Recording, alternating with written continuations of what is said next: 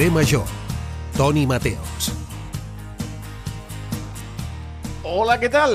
Benvinguts i benvingudes al carrer Major. Nosaltres molt contents de tornar a ser aquí, a la seva emissora, la de casa, la de proximitat. Som els del carrer Major, ja ho saben, el programa que fem Ràdio Ciutat de Tarragona, BXC Ràdio, la nova Ràdio de Reus, Altafulla Ràdio, Ona la Torre, Ràdio La Selva del Camp, Ràdio L'Hospitalet de l'Infant i Ràdio Montblanc, juntament amb la xarxa de comunicació local. També tenim el cor una mica trist perquè aquest cap de setmana ens ha deixat un dels mestres, una de les veus més reconeixibles del món de la ràdio, la del Pepe Domingo Castaño, que mentre ens parlava de futbol ens convidava a fer un purito, a prendre un brandy o a comprar un bitllet de la 11. Descansi en pau, Pepe. Nosaltres tirarem endavant, que estem segurs que és el que ell volia. No sabem si el nostre Benjamí de les tardes era fan del Pepe Domingo Castaño i del seu Tiempo de Juego o ha crescut escoltant altres programes. Aleix Pérez, de la nova ràdio de Reus. Bona tarda, estimat. Molt bona tarda, Toni Mateus, com estàs? Jo molt content d'estar aquí amb tu una, una vegada més i no, a mi ja no em va agafar. Malauradament, doncs, jo no, jo no vaig créixer amb la, amb la veu de Pepe Domingo Castanyo, però sí amb molts altres carrusels esportius que, que doncs, també m'han forjat no? com a periodista, també en certa manera, esperar tots aquells diumenges amb un cafè o una llet amb colacao més aviat, perquè a més per els diumenges més aviat una llet amb colacao i, i tant, i tant. El format de carrusel sempre ha estat molt present. Sí, tant i tant que sí. Era mítica la seva salutació, el seu hola, hola! Esperem que el nostre hola, què tal?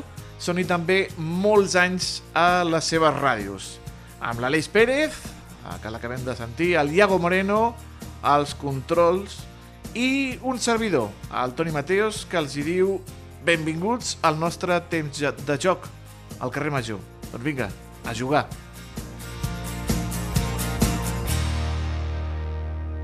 Carrer Major, Aleix Pérez. No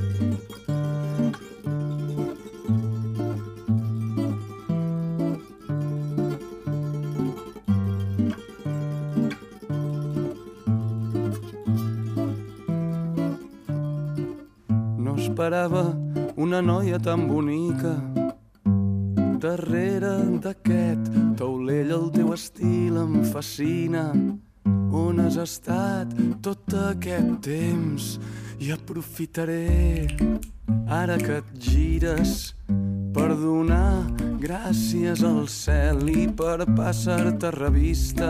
Doncs vinga, anem a passar revista nosaltres perquè arriba una nova edició del Terrània, el Festival Internacional de Ceràmica de Montblanc, que enguany arriba a un número ben rodó, l'edició número 20. Al cap de setmana del 29-30 de setembre i 1 d'octubre, la capital de la Conca de Barberà s'omplirà d'exposicions, tallers, demostracions del noble art de la ceràmica. Per parlar i donar-nos molts més detalls, hem convidat el cap de l'oficina de turisme de Montblanc, el senyor Quim Caral, que tenim assentat als estudis de Ràdio Montblanc i al qual saludem. Senyor Caral, molt bona tarda. Hola, bona tarda. Què han après, senyor Caral, de les 19 edicions anteriors del Terrània? Que és molt complicat muntar festivals i que tinguin èxit i que tinguin continuïtat. Aquesta seria l'aprenentatge principal. Això és el que han après eh, de, de primera sí. mà, però després, durant aquests eh, 19 anys, eh, bueno, sembla que han estat més de... de no, el 2003 van començar, correcte. Eh, com ha anat evolucionant eh, l'aprenentatge, senyor Caral? Doncs, eh, per, per sort, poquet a poquet, si ara ens miréssim la primera edició veuríem que, que està tota plena d'errades. Eh, segurament, i, i, seria, i seria lògic veure-ho amb els ulls que, que tenim ara, que hem agafat tota aquesta experiència. Però també ho deia, de, de, de, aquesta dificultat per donar valor a allò que fem. No? Moltes vegades sembla relativament senzill quan te presentes en un lloc on les portes estan obertes i, i una activitat està en funcionament, i, i passes una estoneta, pot ser més llarga, pot ser més curta, marxes i dius, ah, mira, ha estat bé, no? I, i, i entendre què és ja el, el darrere d'allò que permet que tu en gaudeixis és allò que evidentment no insistim en els, en els visitants, no? Has de valorar tot allò que fem, però sí que és allò que ens permet aprendre eh, d'un any, any per l'altre en base a les opinions que recollim, en el nostre cas, en un festival de ceràmica, doncs, dels ceramistes expositors, els, que, els, els ceramistes de vegades visitants que, que, que tenen un punt de vista més tècnic del que puguis tenir tu i, i els visitants eh, doncs, profans, eh, molts d'ells no tenen ni idea de ceràmica, ni ha d'altres que són aficionats i amb, amb les seves opinions eh, ens ajuden a, a millorar d'un any per l'altre, de poder incorporar algun tipus d'activitat o potser variar algunes de les que ja estem fent. I nosaltres des de l'oficina de turisme doncs, ens toca fer la producció, la, la creació de tot plegat eh, sempre assessorats pels ceramistes que tenim més a la vora, podríem dir de quilòmetre zero, de proximitat, que són els ceramistes de la Conca de Barberà, que, que sempre s'han implicat en, en els aspectes tècnics, aquells que nosaltres, òbviament, no dominem perquè no, no som artistes i, i, no, i menys ceramistes. Un festival, senyor Caral, que ha anat creixent localment, però també internacionalment.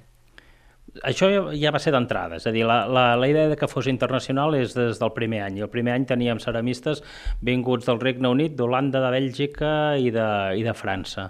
Ja la idea la vam tenir d'entrada de intentar fer una mostra única, doncs que si ets aficionat a la ceràmica, eh, la concentració de ceramistes que hi ha durant aquell cap de setmana a Montblanc no la puguis tornar a trobar més, perquè no, ells, els mateixos no es tornaran a trobar en cap altra circumstància. I, i per això doncs, van venint ara d'un lloc, ara d'un altre, i en els darrers anys doncs, hem, hem optat també per una cosa que no fèiem els primers, els primers anys, eh, convidar un determinat territori. Això fa que garantim la presència, de, en aquest cas en guany és Eslovènia, doncs de cinc ceramistes que, que venen d'allà expressament. Per tant, llavors, senyor Caral, aquest mètode és una mica, hem trobat no, un mètode de, per escollir a l'hora de participants, expositors, en aquest cas Eslovènia, no sé, en altres anys, i quin aprenentatge o, quina, o quines diferències també i riquesa dona en, en, en aquest festival? Mm. Pel tema de la, del, del triar, escollir els participants, sempre ho hem fet igual. És a dir, hi ha com una preinscripció, tu dius, soc ceramista, em faria gràcia venir, Eh, I nosaltres el que fem és demanar-los unes fotografies, una mica de currículum, sabem quines fires han participat i quin tipus de ceràmica fan. Llavors, hi ha uns, un, un comitè d'experts, és a dir, ceramistes, en aquest cas nosaltres hi som presents, però no com a experts, sinó com, com a organització, són els ceramistes aquest que deia, aquests que deia de proximitat, que ho valoren. El que mirem és que no es repeteixin eh, conceptes eh, d'estil, de, de tècniques, de material emprat, eh, i busquem que hi hagi doncs, molt d'equilibri i també territorialment és a dir, si tinguéssim com va passar fa uns dos o tres anys una sola proposta de Luxemburg doncs ens la mirem amb, amb, amb una miqueta més de ganes perquè clar, ens farà gràcia poder dir que ha vingut un ceramista d'aquest país no? eh, intentem sempre eh, compensar molt els estils i també les procedències a favorir com més llunyans millor la, la part aquesta altra, la de, la de convidar a, a un determinat territori, això va ser una proposta d'uns ceramistes d'aquí, precisament els, els ceramistes de Senan, que enguany són, són molt protagonistes de, del festival, que ells, quan se'n van a, amb alguna de les, de les fires internacionals a les quals participen, doncs com els ceramistes que veurem a, aquest cap de, eh, d'aquí dos caps de setmana aquí a Montblanc, doncs ells eh, fan contactes. I llavors veuen estils, veuen, veuen gent amb qui s'han entès i diuen, mira, nosaltres estem involucrats en l'organització de Terrània, podríeu venir en algun any? Ah, sí, ens faria gràcia. Molt bé, doncs un se converteix una mica en el portaveu i llavors ja treballem a un o dos anys vista. Sí. I a més també que, que té un punt de màgia no? també i d'encant és el mateix joc on es celebra el Terrània, l'antic convent de Sant Francesc, que també es transforma no? també en certa manera un protagonista de, de, de la festa i de la trobada. Sí, sí, estem molt de sort. Eh, L'antic eh, convent de Sant Francesc és com si fos el nostre Palau de Congressos a Montblanc. No disposem d'aquest equipament específic i, i s'hi fa de tot i, i abans de, de començar a fer uh, el Festival de Terrània era un lloc on s'hi havien fet algunes activitats de la Fira de Sant Maties, s'hi havien fet exposicions, concerts, uh, activitats relacionades amb la Setmana Medieval, i vam pensar és un lloc ideal per poder-ho fer. I els ceramistes ho agraeixen molt. Estan molt acostumats a que les fires a, ni a nivell internacional per, per, per qualsevol país europeu són al carrer. Llavors han de muntar al matí, desmuntar al vespre, ma, eh, tornar a muntar al matí, desmuntar al vespre, tornar a muntar el tercer matí, seria el diumenge, i tornar a desmuntar quan s'acaba el festival. I clar, en aquest cas munten un cop i desmunten un, i ja està. I el marc, clar, un, un edifici gòtic com és l'església, l'antiga església de Sant Francesc, doncs és allò que se'n diu incomparable, no? allò que, que, que s'utilitza moltes vegades a, a, a aquest adjectiu, i ho agraeixen molt, veuen que el lloc eh, fa que llueixi més la seva obra. I un dels tallers estrella, perquè hi ha moltes activitats, és molt curiós, senyor Caral. Solen ser les figures de pessebre del Museu del Pessebre de Montblanc. Sí, el, fa, ja fa uns anys que va obrir el Museu del Pessebre de Catalunya ubicat a, a Montblanc i ens van proposar poder fer tallers i ho vam veure molt bé perquè des de les primeres edicions que fem eh, tallers adreçats a les escoles locals perquè no, podem ampliar-ho més, venen, venen els cursos dels més petits i, i toquen fang amb, amb, amb l'assessorament de monitors. Això és el divendres al matí, fora, podríem dir, del programa obert a, al gran públic, només per les, les escolars. I llavors vam pensar, ostres, això ho podem seguir fent durant el cap de setmana per totes aquelles famílies que vulguin fer activitats no només pels petits, sinó moltes vegades petits i grans, eh, fent-ho junts. I, i vaja, hem, eh, hem tingut propostes molt diverses al llarg de tots aquests 20 anys. I, i el Museu del Pessebre ja, ja, ja fa un temps que ens va fer aquesta proposta de, de fer les figures a partir dels motllos que prèviament s'han fet amb una escultura eh, una figura feta com, per un escultor en, en fang. Un cop la tens feta, es fa un motllo metàl·lic i aquest motllo és el que després serveix per posar-hi fang eh, i, i que, que aquella peça la puguis reproduir tantes vegades com vulguis.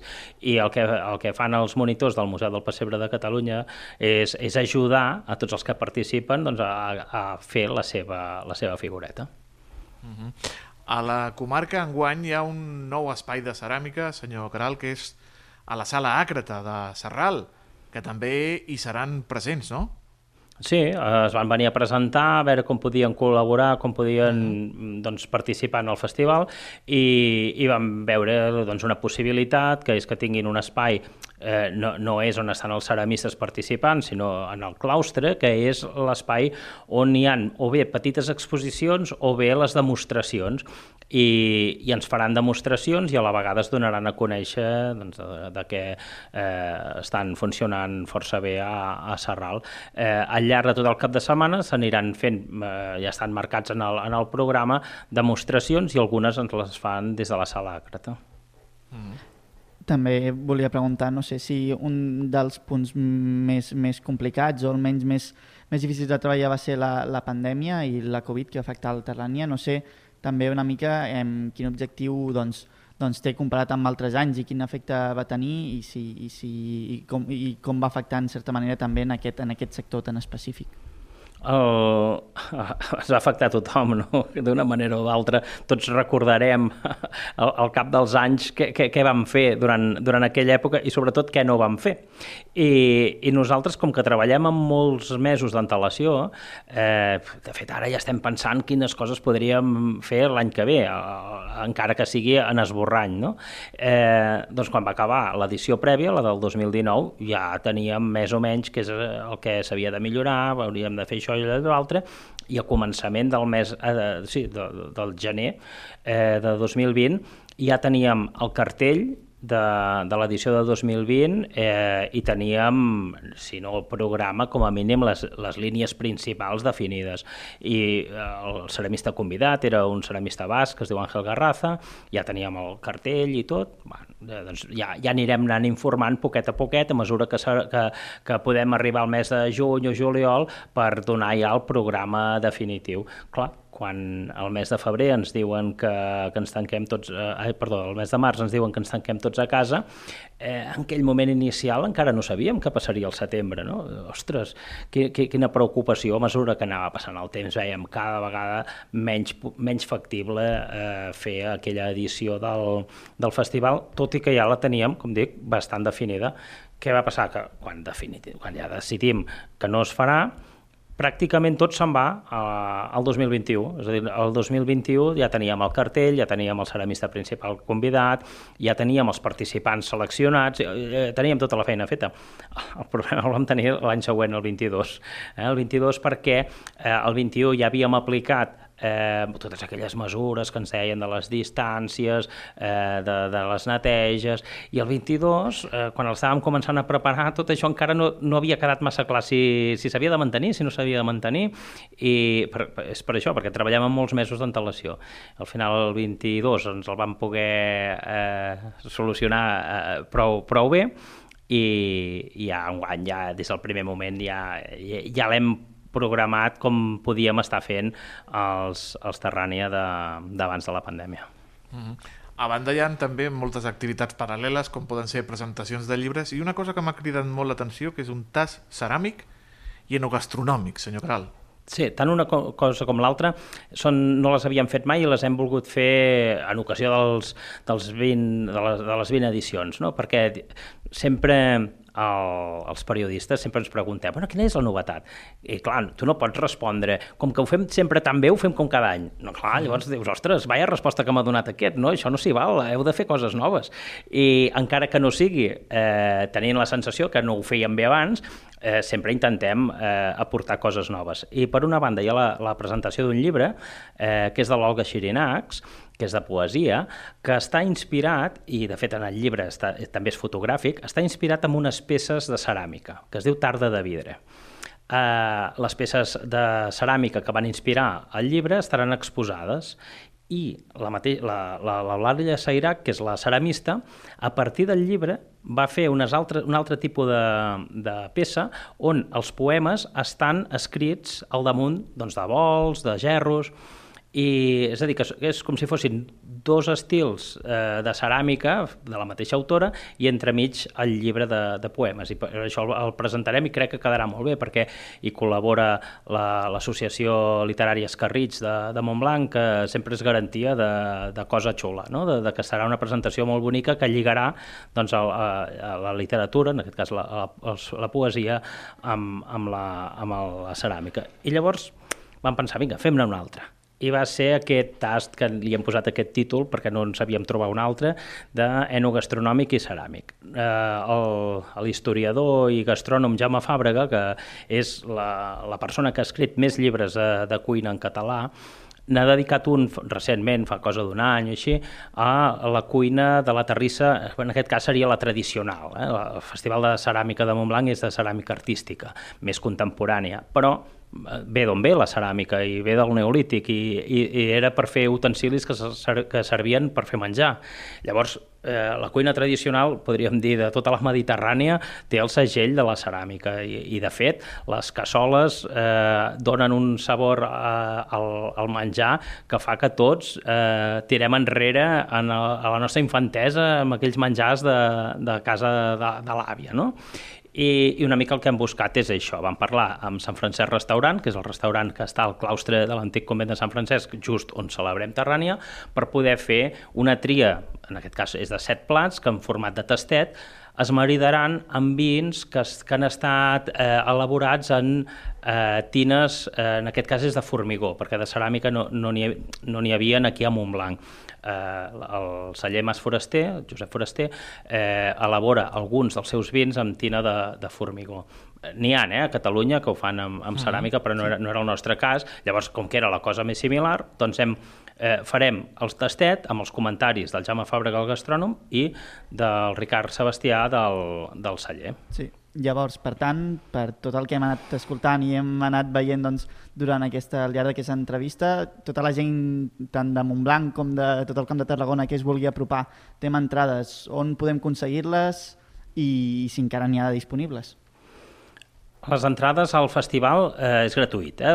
L'entrada no, no, no hi ha una entrada per, per, per accedir al recinte. El que sí que s'ha d'adquirir són els tallers. Els tallers que, que n'hi ha tres de diferents i que es repeteixen contínuament, eh, com, perquè tenen una, un aforament realment limitat per una qüestió de que és més eficient poder estar tornejant si el monitor té doncs, 4 o 5 participants que no passi de cop no tingués 20. Llavors el que fem és molt sovint eh, fer, fer l'activitat mm, això s'ha de treure doncs, el, el tiquet prèviament i el sopar igual, el, aquest tast eh, enogastronòmic i ceràmic també s'ha de treure eh, el tiquet prèviament i això ho fem a través del nostre web que són les 3 Ws terrania.cat de fet, és un web que està allotjat al, al web genèric de, de turisme de Montblanc, que és montblancmedieval.cat. Mm -hmm. Doncs apuntem aquesta, aquesta, aquesta plana web. Eh, Quim Caral, eh, cap de l'Oficina de Turisme de Montblanc, moltíssimes gràcies per eh, parlar-nos de Terrani aquí al carrer Major. Una abraçada que vagi molt i molt bé. Moltes gràcies a vosaltres. En una mansió de les que el temps ha guarnit s'ha trobat arraconat un quadre gegantí molt a prop a un dit de pols Els que han pogut gaudir de les vacances potser han viatjat per tot el país o han pogut marxar fora. Oh, quina sort! I una de les activitats que més ens agrada és visitar els museus i gaudir de pinacoteques amb obres eh, dels millors pintors. Ara bé, en molts es poden fer fotos, en alguns fotos sense flash i en d'altres està terminantment prohibit fer fotos als quadres i a les obres. Per què? Per què és així? Per què hi ha alguns sense problemes i uns altres que semblis que sembles un delinqüent que estàs fent una foto i et miren fotos no o, o t'assenyalen? Per resoldre aquests dubtes i preguntes tenim una temporada més el nostre estimat col·laborador, en Damià Morós, historiador de l'art i museòleg, i al qual saludem. Damià, molt bona tarda. Què tal, com anem? Molt i molt bé. Tu has anat a fer fotos aquest estiu als museus? He anat, he anat a bastants museus aquest estiu, a, a nacionals, això sí, això que deies uh, de, del Toni, de no, de no, de no, no he marxat lluny aquest estiu, hem estat per aquí a Catalunya, a sud d'Europa, deixem-ho així, i, i venim veient fotos, sí, sí, fem fotos amb la majoria de museus del món. A dia d'avui ens deixem fotos, així que no ens preocupem. Bueno, a veure, Uh, Damià, a mi en molts llocs m'han mirat, com he dit, com un delinqüent.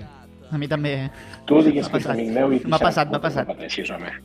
Digues que ets amic home. meu que et deixen amb fotos, sí, no, també tinc pinta de delinqüent, eh, que pot ser. això, això, això ja no ho puc arreglar. Eh? Això, ja, això ja no hi entra, no? Per què, per què és això, Damià? Per què en alguns llocs sí que et deixen fer fotos, en un altre te diuen fotos sense flash? I, per exemple, fins fa poquet, el Guernica, que era l'estrella del Museu Reina Sofia a Madrid, que jo quan vaig anar al, al Guernica me van dir fotos no. A la resta sí, però al Guernica no.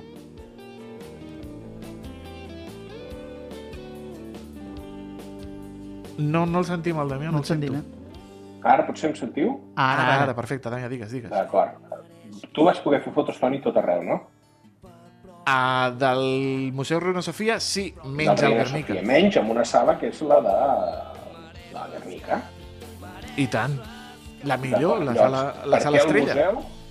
Bueno, ostres, sala estrella. Podem entrar en una discussió aquí, eh? Per un altre dia, eh? Jo Personalment, un altre dia. Per, per mi, el Reina Sofia ja no és un museu estrella, és un museu molt desagradable de visitar.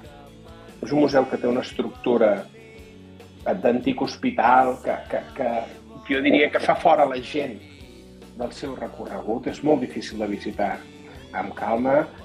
Llavors, jo he de reconèixer que és el museu que menys he visitat de Madrid. Hi he estat i, punt, saps allò, fer el xec, he vist el uh -huh. dia i, i fora. Però per què deixo fotos de tot el museu i no en una sala? Doncs ells s'excusaven en que la importància de l'obra feia que fos necessària la seva protecció. No a flaixos, no a fotografies, sinó a l'acumulació de gent dins l'espai. És a dir, no pots fer fotos perquè t'estaràs una estona mirant el quadre i potser faràs més fotos del que és normal. D'acord? Mm -hmm. No és l'únic museu de Madrid que s'excusa amb això. El Parada fa exactament el mateix. El Prado és Llavors, impossible. clar. Eh, el Prado, ni, ni, el, ni el Bosco, ni les Menines... No, no, el ni Prado res. només deix fer fotos, eh, i això és explicat per la direcció, explicat a, a la seva web, allà on vulguis, a professionals. Ergo, si vas a una inauguració et deixaran fer fotos perquè consideren que ets professional. Si no, com a públic general, no pots. I ells diuen exactament el mateix. Argumenten que si tu estàs visitant un museu, el que has de fer és visitar el museu i no fer fotos. Però clar, llavors t'estàs posant també amb la llibertat de cada persona que vol fer el que vulgui en el seu moment. Uh... Flash no, fotos sí. Jo crec que faré la recomanació a tothom. Perquè Escolta'm. Ai, perdona, digues, digues. No, no, digues, clar, digues. m'he quedat amb això del flash. Per què el flash? Té un, té un efecte, entenc que, que, aquest sí que aquest, aquí sí que pot haver-hi conseqüències pel, pels, pels quadres, no? Clar, el problema és, és el flash. Estem sometent a una tela, a una escultura, és a dir, a un material orgànic, a una molt forta exposició, momentània, curta, però si anem fent fotos durant tot el dia en un museu molt visitat, en una peça mediàtica, i ara et diria la Joconda, les Menines, el Guernica, el que fem és danyar la pintura i la tela. Això en pintura. Si ho fem en paper, i ara veig que aquí teniu una foto darrere amb els Premis Cambra o, o potser el Toni té un calendari que no sé de quin any és el calendari aquest, però imaginem Bueno, que fos del també el que tinc aquí, 1930. tinc Jo, jo no saber-ho. El Pepe Rubianes tinc aquí.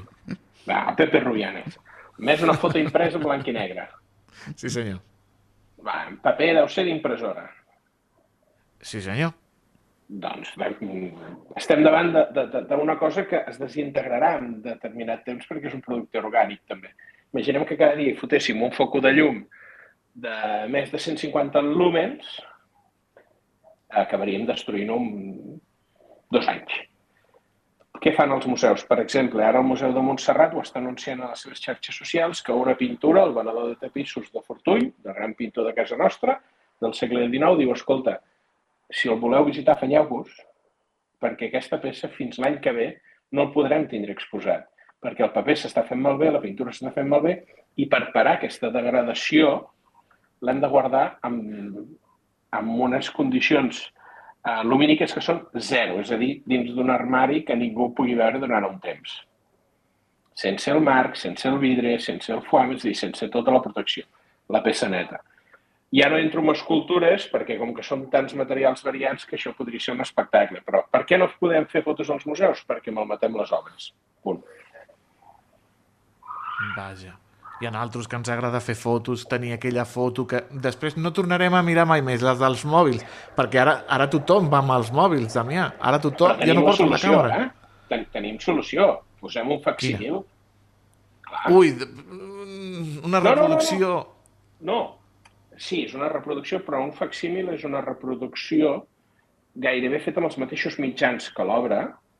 És a dir, si, si reproduïm una obra que s'ha fet a mà, hauríem de fer la reproducció a mà, si no amb una planxa, com sigui, però sobretot explicant, fent difusió de, o, o pedagogia de que aquella peça ara mateix no, vostè no la pot veure perquè l'original estaria desapareguda si l'haguessin vist durant tota la història. Això passa molt amb el conill de Dürer, potser us sonarà, que és l'Albertina, és una peça que es conserva a Viena, es conserva en una cambra cuirassada amb una temperatura hermètica eh, sense llum. Si tu vas a l'Albertina el que veuràs és una còpia, no veuràs l'original. Amigo, o sigui que m'estan enganyant. No, perquè t'ho diuen. Però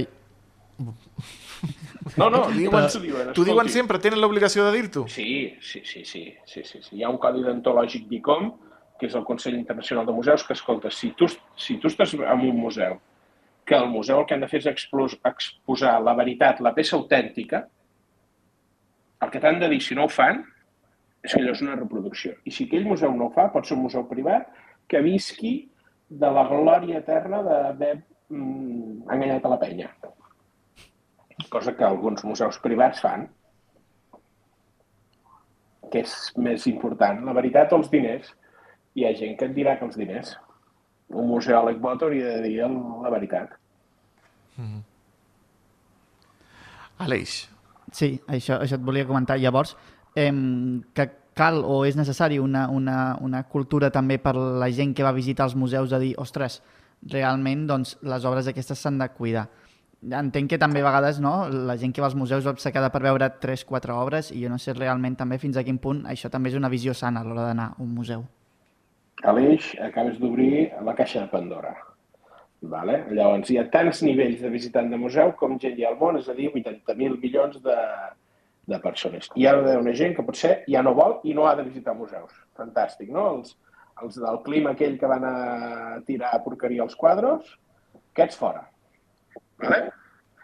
Llavors, gent que va veure tres o quatre quadros, aquesta gent haurien de ser la majoria. Perquè tu vas a un museu, i ara posem un museu del Camp de Tarragona, són de mida humana, és a dir, els pots veure tots, però tu te'n vas al Louvre i tu dius, jo vull veure tot el Louvre en un dia, aquella persona li haurien de donar una xapa i dir-li, noi, no entris, vale? perquè en un dia no el veuràs. Ni tu ni no, no. ningú. Jo en un dia al Louvre, tancat, estant al museu, museu tancat, he fet 4 quilòmetres per dintre. I vam arribar a la meitat del museu. Eh? Llavors, tinguem en compte això. Sí que és veritat que, per exemple, al Museu del Prado el que et recomanes és una visita de 3 hores. Llavors, tu has de tindre 3 hores per visitar allò. Que et vols fer la foto? El que deia el Toni fa una estona. Vindrà un vigilant de sala que et dirà de bones formes que guardis el mòbil. Però sí, hem de fer pedagogia, hem d'explicar a la gent eh, de vegades quan va a un restaurant i reserva carta, oi que es mira la carta? al restaurant i diu que li agrada, que no li agrada i tal, i si diuen que són celíacs, si tenen al·lèrgia o alguna doncs amb els museus, si us plau, entrem a la web i, i veiem què tenen, què ens interessa, què no ens interessa, i segons què no hi anem, o sí, podem triar. Mm. Parlarem de museus, parlarem d'obres, parlarem de moltes coses, cada 15 dies amb el Damià Amorós, que torna a col·laborar amb nosaltres i nosaltres els hi estem eternament agraït. Damià Amorós, gràcies per il·lustrar-nos eh, un cop més aquí al carrer Major sobre els museus, sobre les obres d'art, i et diré que a la, a la Capella Sixtina oh, gairebé em fan fora. És, a la Capella Sixtina és el lloc on menys fotos es poden fer, no foto, no picture, tota la merda aquella de l'italià amb el micròfon, i la penya passa soberanament del tio i fa les fotos que volen. Què passa? Que sempre hi ha algú que paga per la resta. I tu Servidor. ser el, el, el, el, cap de el cap de turc. que, que va pagar per la resta. Jo, jo em fot gràcia, eh, perquè allò, si, si hi, ha, hi ha aquelles pintures ja tenen una il·luminació que se'ls passa de luxus i allò és una caixa fer calés. I tant, i tant que sí. Damià, una abraçada. Fins aquí 15 dies. Vagi molt bé. Gràcies.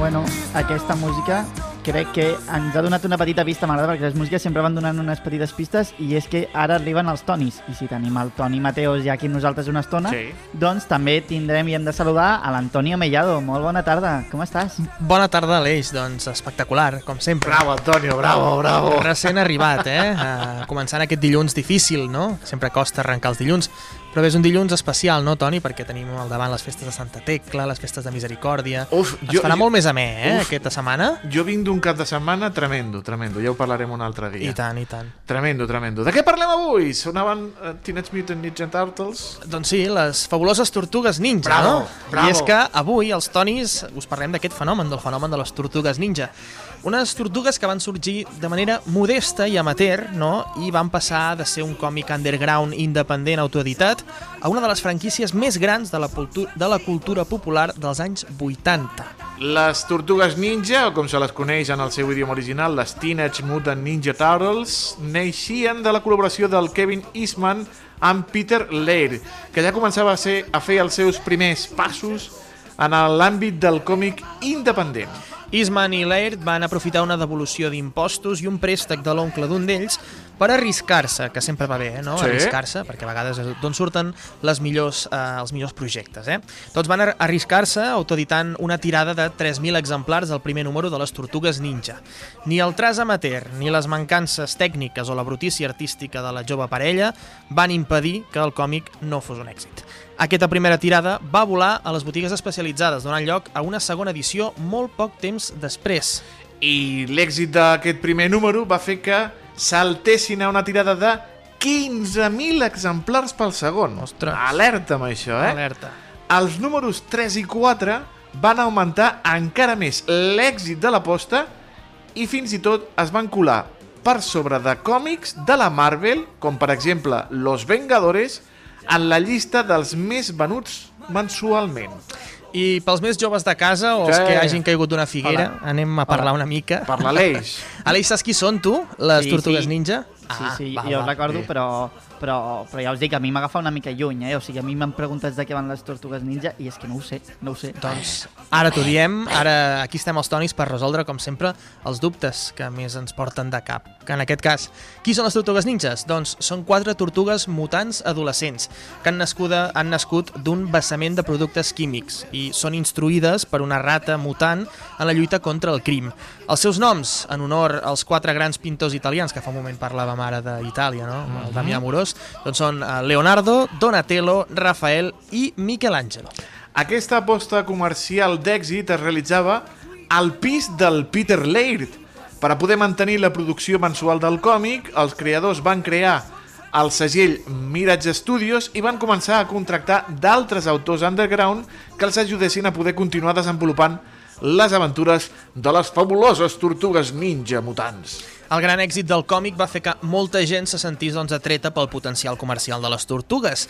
Entre elles, per exemple, eh, s'hi trobava la companyia de joguines Playmates Toy, que l'any 1987 van començar a comercialitzar ninots dels personatges dels còmics. Playmates es va associar amb un estudi d'animació per a dur a terme una minissèrie de dibuixos animats per les audiències més infantils. Una generació de joves catalans berenava cada tarda amb les aventures de les quatre fabuloses tortugues ninja, el seu mestre, el mestre Estenyicó, el malvat Trinchan i la seva amiga, la reportera April O'Neil.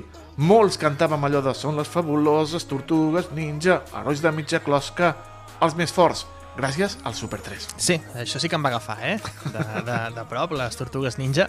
L'aposta va ser un èxit i les figures d'acció de les Tortugues Ninja es van convertir en la joguina més demanada per pels nens de tot el món, posant en problemes fins i tot a la Nintendo, que era la dominant a les ventes nadalenques. I fins i tot la sèrie d'animació va ser un èxit fulgurant d'audiència a tot el món. Tant és així que a la fàbrica de la Xina, on es produïen les figures, no donaven a l'abast per cobrir la demanda i la sèrie d'animació rebentava les audiències. I si una cosa funciona, doncs què has de fer? Esprema al màxim i treure el suc. Oh, fent tant. pel·lícules amb personatges reals i de les tortugues en van fer tres. La primera amb molt d'èxit, però la segona i sobretot la tercera fetes ràpid i a correcuita a l'eix per aprofitar l'èxit. I la qualitat va baixar molt i els films van caure en l'oblit. Sí. És que jo, jo no vull dir res, però és que això dels live actions aquests, jo alguns me'ls imagino, però una, unes, unes pel·lícules amb persones i que siguin tortugues jo, jo no ho veig massa. Eh? No, no vull ni, ni saber quina pinta feien. No, ni te lo miris. Devien eh, protagonitzar els malsons d'una generació Una sencera. deia Les tortugues ninjas contra los mocos verdes. Fins aquí, fins aquí. Fins aquí podem dir. I tot el que puja, doncs, baixa una mica, eh? Perquè a mitjans dels anys 90, després d'aquest boom que parlava el Toni, no, les tortugues ja no estaven tan de moda. Van baixar les vendes, es va cancel·lar la sèrie, i això va fer que fins i tot els dos creadors es barallessin i trenquessin la seva relació d'amistat. Les tortugues ninja van passar a ser un record nostàlgic dels anys 80 i principis del 90. Però, Però. A, però, a començaments del nou segle, els personatges van tornar a tenir una nova oportunitat amb una primera pel·lícula animada en 3D, titulada TNMT, Teenage Mutant Ninja Turtles, i estrenada el 2007. Una correcta cinta d'animació que va reviure de manera modesta a la franquícia dels personatges gràcies a la gent de Nickelodeon. I el mateix tornaria a intentar-se de nou set anys després, el 2014, quan el director Michael Bay va ressuscitar la franquícia en imatge real amb l'estrena de Ninja Turtles el 2014, com dèiem, i la seva seqüela Ninja Turtles Fora de les Ombres el 2016, amb l'actriu de moda llavors, la Megan Fox. Dos treballs que no van tenir continuïtat per la tèbia rebuda d'aquest rebut irregular. Dolentíssima. Michael Bay, és que Michael Bay jo no sé Bueno, si l'encarregaria, eh? Bay. No li encarregaria res a Michael Bay, jo. Deixeu-lo amb els Transformers, no? Surt, Des surt de car, surt car. Aquest intent de ressorgiment de les tortugues va fer que en una Comic Con del 2014 es tornessin a juntar els creadors de les Tortugues Ninjas després de 20 anys barallats Ostres. i van decidir tornar a treballar junts, creant un dels millors còmics de les Tortugues Ninjas que es diu The Last Ronin. I aquest mateix estiu, petits i grans, hem gaudit de nou d'un film d'animació ple d'acudits dolents i molt de macarreo, anomenat Chaos Mutant. Recomanadíssim, eh? Si la voleu veure, riure i passar una bona estona, doncs amb aquest film d'animació, on es barreja el 2D i el 3D, i que està escrita per Seth Rogen, que... Molt bé, no, és un, Seth? és un friqui, és un friqui. Encara que els personatges no han tornat amb el fenomen cultural de les dimensions que va tenir a finals dels 80, principis dels 90, el, record, el retorn aquest estiu de les Tortugues Ninja, el ressorgir dels còmics, les reedicions de luxe del material original o nous lliuraments, noves aventures amb les Tortugues Ninja, amb Batman fins i tot, demostra que els personatges han aconseguit instaurar-se dins l'imaginari col·lectiu de la cultura popular. TMNT. No, les Teenage Mutant Ninja Turtles, les fabuloses tortugues ninjas, estimats. Mare meva. Eh, us, us volia preguntar abans de- d'acabar amb tota aquesta secció de les tortugues ninjas, que no heu dit la vostra preferida. Jo em pensava Home. que, que, que diríeu quina era el vostre, la vostra tortuga preferida, però La sembla que meva no. és Michelangelo, perquè li agrada ballar. La meva Leonardo. Jefe. Perquè sí. Perquè... Doncs- Sí, sí, el jefe. I la teva, Aleix? Jo, jo he sigut més a Donatello, perquè veia els altres i a Leonardo amb les espases bé, però és que els altres dos porten unes armes que jo no les entenc. I dic, jo el Donatello amb, Uns- amb, amb, amb la vara i, i Amb prou. la vara, sí, prou. el tio la vara. Ah, la, un portaven un xacos, l'altre portava uns saics, que són unes espases curtes, les espases llargues del Donatello, i el, eh, el, la vara, com has dit tu, el pal, que portaven. Mira, fantàstica, les tortugues ninja. I tant. Antonio, Toni Mateus, gràcies. ens veiem dimecres. Dimecres, Adeu. abraçada. Adeu. Adeu. Adéu.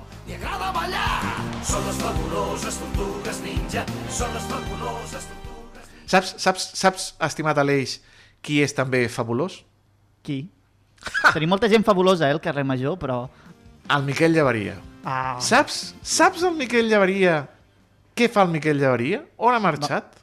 un viatge, on ha, on, ha, on ha fet cap aquesta vegada? Doncs ha anat a veure a la gent de Dames i Vells, a Tarragona. Què et sembla, això? Home, doncs em sembla un pla increïble per passar aquesta tarda de dilluns. Home, aquesta tarda de dilluns ja en plenes festes de Santa Tecla, ja submergits en plenes festes de Santa Tecla, doncs el nostre estimat el Miquel Llavaria ha marxat a veure Dames i Vells. I què ens expliques, Miquel? Per on pares, estimat? Tarda, Toni, bona tarda a tothom. Doncs sí, jo el que he fet és desplaçar-me fins a Tarragona i jo diria que l'espai que més m'agrada de Tarragona, alguns dirien el port, el Serrallo, jo dic la Part Alta, i és que és veritat, m'he desplaçat fins la Part Alta i estic justament a la plaça de Dames i Vells, un dels centres neuràlgics, podríem dir, quan arriba la festa de Santa Tecla, tot just perquè aquelles persones que ens segueixin a través de l'streaming i puguin gaudir d'aquestes imatges de la plaça de Dames i Vells, veuran que hi ha una pista just al nostre darrere i és que sí, parlarem del Ball de Dames i Vells, que comença dintre de ja molt poc, i la persona que ara mateix m'acompanya per poder parlar d'aquest ball és el Joan Carles Blanc, que és el president del Ball de Dames i Vells. Moltes gràcies per acompanyar-nos avui a Casa Major. Hola, bona tarda. Eh, imagino que els últims moments, abans de que comenci tot, de que comencin tots aquests passis, eh, hi ha nervis, tot llest... Uh, nervis i encara hi ha coses per enllestir. sí, sí, a últim moment, però es farà, evidentment. evidentment es farà. I explica'ns, què és el que les persones que hagin tingut la sort d'aconseguir una entrada, perquè és que, recordem, les entrades quan van sortir se van exaurir, es va arribar amb un acord perquè traguessin un passi més i en una hora aquestes entrades noves també es van exaurir, és a dir, tot un èxit, imagino que us deu alegrar moltíssim.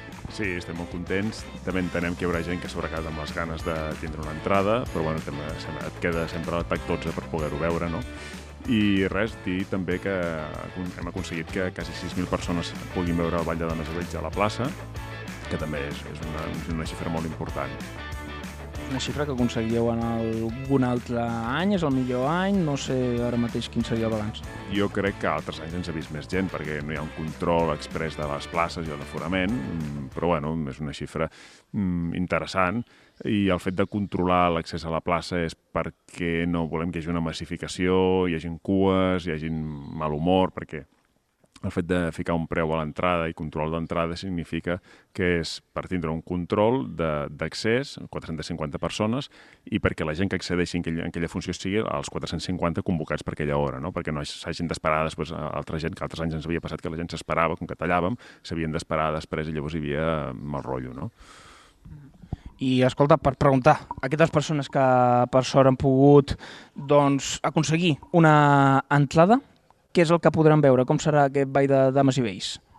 Bueno, és un ball de dames i vells que es diu, a la, és a la romana, no? Es titula Carcamals a la romana i és una espècie de, bueno, com un espectacle ple de romanitat tarragonina eh, que fa un homenatge als nostres ancestres, que són els comedians de les farses atalanes que es feien en el teatre de Tàrraco del segle I després de Crist. I a partir d'aquí doncs, ens podem esperar una mica de tot, no? És un espectacle que fa alguns homenatges a algunes pel·lícules, no? Alguns guinyos, no? O, mm, el Satiricon de Fellini, o ens hem inspirat en aquestes pel·lícules, en el Satiricon de Fellini, eh, també ens hem inspirat també en Golfos de Roma o en Ben-Hur, no?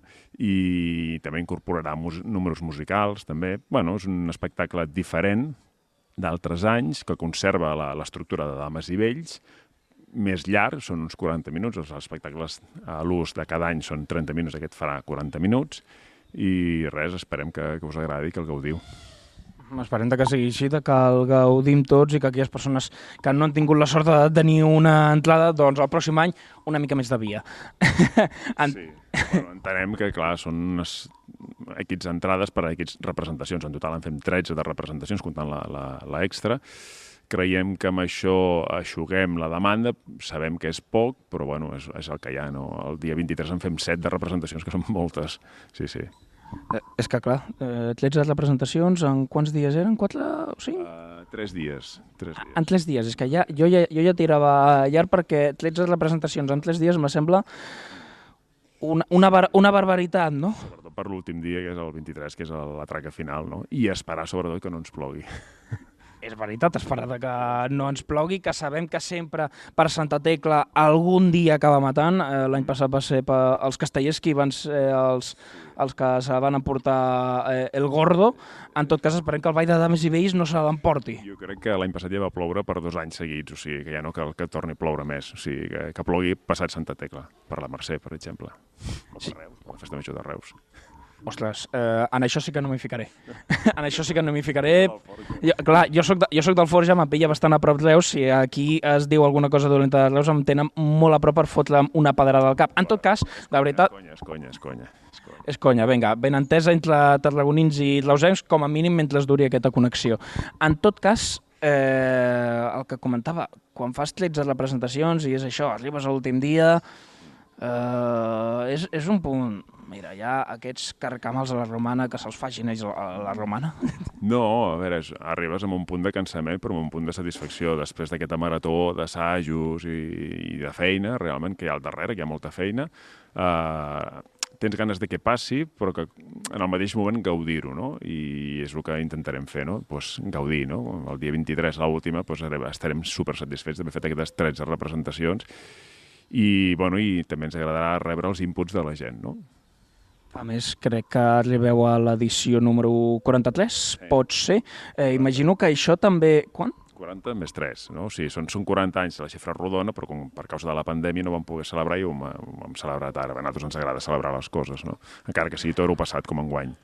És a dir, que podem dir que esteu de, la, de celebració per aquests 40 anys. Estem de celebració, evidentment, sí, sí. I aquí no hi ha res de crisi dels 40 anys amb el Ball de Dames i Vells. Bueno, com, com que és també de, de Vells, Sí, de fet, ja, com que són vells, ja no... O sigui, 40, 50, 60, ja, ja és una dinàmica, no? Ja celebrar aniversaris. Perdona, em van fer uns que... Em van fer un aniversari que era el 500 aniversari, o sigui, que més vells que això ja... crec que mai havia conegut amb el, amb el que sigui qualsevol grup que primer celebrés els 500 i després celebrés els 40 anys. Bueno, la xifra... Aquesta física quàntica?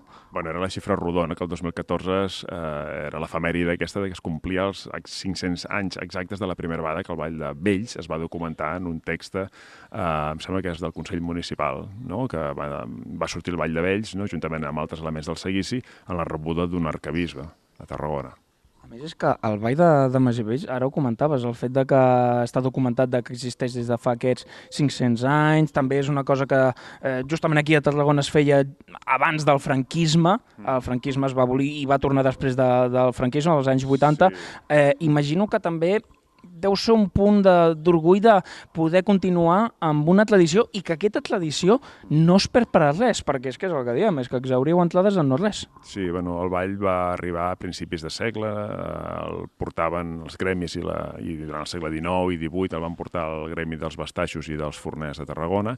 Uh, la, durant la Guerra Civil, uh, quan es va acabar la Guerra Civil, la postguerra l'any 48 es va deixar de fer, es va prohibir, i no es va recuperar fins a l'any 81 per part de la joventut tarragonina i fins ara, no? aquests 43 anys que celebrem, no? això és la recuperació. I ja per anar acabant, jo imagino que veient aquests èxits a nivell d'entrades de, exaurides, això significa eh, que ens esperen molts anys de dames i vells, esperem ja la celebració de, dels mil, de, del mil·lenni, aquest pas. Bueno, a qui li toqui viure, si encara la Terra és Terra, el millor és un planeta inhòspit, no? Uh, no, estem molt contents i agrair a la gent que ens segueix, perquè nosaltres ens devem a la gent, no? I, i ens sentim molt estimats, no?, per Tarragona. I estem vivint també realment un moment dolç de dames i vells ara. Doncs escolta, a celebrar aquests 40 anys de Dames i Vells des de la seva la presa amb, després de la transició i en tot cas Joan Carles Blanc, president del Ball de Dames i Vells aquí a Tarragona, moltes gràcies per haver-nos acompanyat uns minuts de, de, a Carles Major mm -hmm. i bona Santa Tecla. Gràcies a vosaltres, bona Santa Tecla i bona festa major. Ah. I molta merda. I molta merda a cabassos. doncs Toni, ja ho has escoltat, esperem que tinguin molta merda. Ja sabem el sentit figurat de la frase. Doncs, uh, Miquel Llevaria, moltíssimes gràcies uh, per portar-nos, acostar-nos la gent de Dames i Vells, que, bueno, ha dit que, Escolta, eh? que, pl que plogui no, per, no, per... això t'anava a dir. Per misericòrdia, ha dit el senyor, el però, president. Però, però jo vinc aquí a fer el programa de bones, la rivalitat Reus-Tarragona no existeix, i el, no. que, el que em diu el, el, i que diu Joan Carles Blanc, doncs diu que, que plogui per, per misericòrdia, doncs no, doncs no, perdoni, però, però no plourà per misericòrdia. No, no, no plourà per misericòrdia. Hem posat espelmes i ciris a la Mare de Déu de Misericòrdia, li hem demanat que ens miri amb ulls d'amor perquè no plogui. I també, vinga, una pregària al braç incorrupte de Santa Tecla, eh, perquè no plogui durant els dies de la celebració de la festa gran dels Amics de Tarragona. Ja ho saben, amics i amigues, això és el carrer Major. Si és que ens estimem, ens estimem totes les emissores que fem possible aquest, aquest programa, que en som moltes. Som Ràdio Ciutat de Tarragona, BX Ràdio, la nova Ràdio de Reus, Altafulla Ràdio, Ona la Torre, Ràdio La Selva del Camp, Ràdio L'Hospitalet de l'Infant i Ràdio Montblanc, juntament amb la xarxa de comunicació local. Doncs Aleix, el nostre peix Fins ja està venut. No? Fins sí. aquí el nostre peix d'avui. Tot el que podíem oferir durant aquesta hora ja està. Demà més, o sigui que la gent no es pensi que aquí nosaltres ja acabem. No, no. No, demà no, més. ens posem, ens posem a treballar. Ara, ara ens reunim sí, sí, i parlem sí, de, sí. ens barallem de què hi haurà demà. Aquí, al carrer Major. Fins demà, que vagi molt bé. Moltíssimes gràcies. Fins demà. Adeu.